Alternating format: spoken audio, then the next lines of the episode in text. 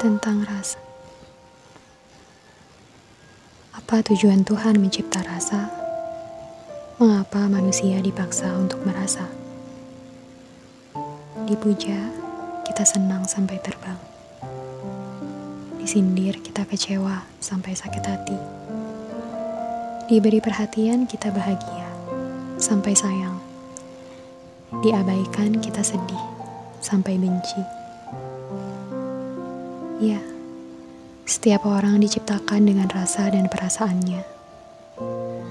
Macam-macam yang dirasa. Tapi, bukankah itu yang membedakan manusia dengan makhluk lainnya?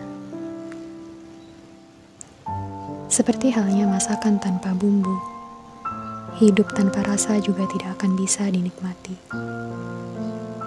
Barangkali itu alasan Tuhan mencipta rasa di hati mungkin untuk mewarnai hari, bisa jadi untuk mencari jati diri, tampaknya untuk menjadi karakter dan ciri, atau sepertinya sebagai bahan Tuhan untuk menguji. Yang jelas, perasaan tetap hanyalah perasaan. Dia terlalu subjektif untuk dijadikan fakta. Terkadang perasaan hanya sebuah ilusi ada kalanya perasaan juga hanya sebuah asumsi. Yang kita terka benar, belum tentu adalah kebenaran. Yang kita kira salah, belum pasti adalah kesalahan. Pada dasarnya setiap yang terjadi di bumi adalah biasa. Manusia yang menjadikannya baik pun buruk dengan perasaannya.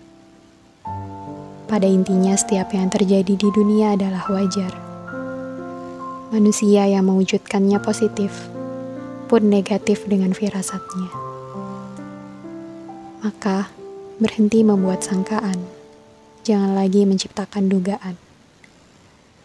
Hidup tidak selalu tentang kita.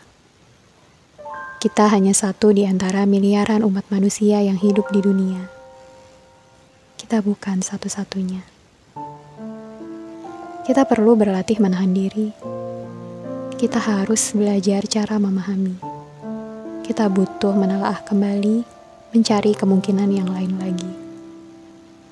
Kita semestinya membiasakan diri mengendalikan hati, dan kita patutnya sadar diri bahwa kita bukan satu-satunya yang punya hati. Yang terakhir, juga yang paling utama, ada sebab lain dia melahirkan rasa tidak lain adalah untuk kebaikan. Untuk itu, selayaknya kita menempa hati agar ia tidak asing dengan kebajikan. Kebaikan yang dikerjakan oleh Nurani adalah amal yang paling sulit dilakukan. Menjadi urusan paling rahasia antara pemilik kalbu dengan tiap insan. Tapi, bukankah ia kemudian menjadi sebuah kebaikan yang lebih bernilai dari kebaikan yang lain? Semoga ini menjadi introspeksi bagi kita untuk selalu memastikan bahwa ada kebaikan-kebaikan batin dari diri kita di setiap keadaan, apa pun yang dijalankan. Ya, Tuhan mencipta rasa bukan tanpa alasan.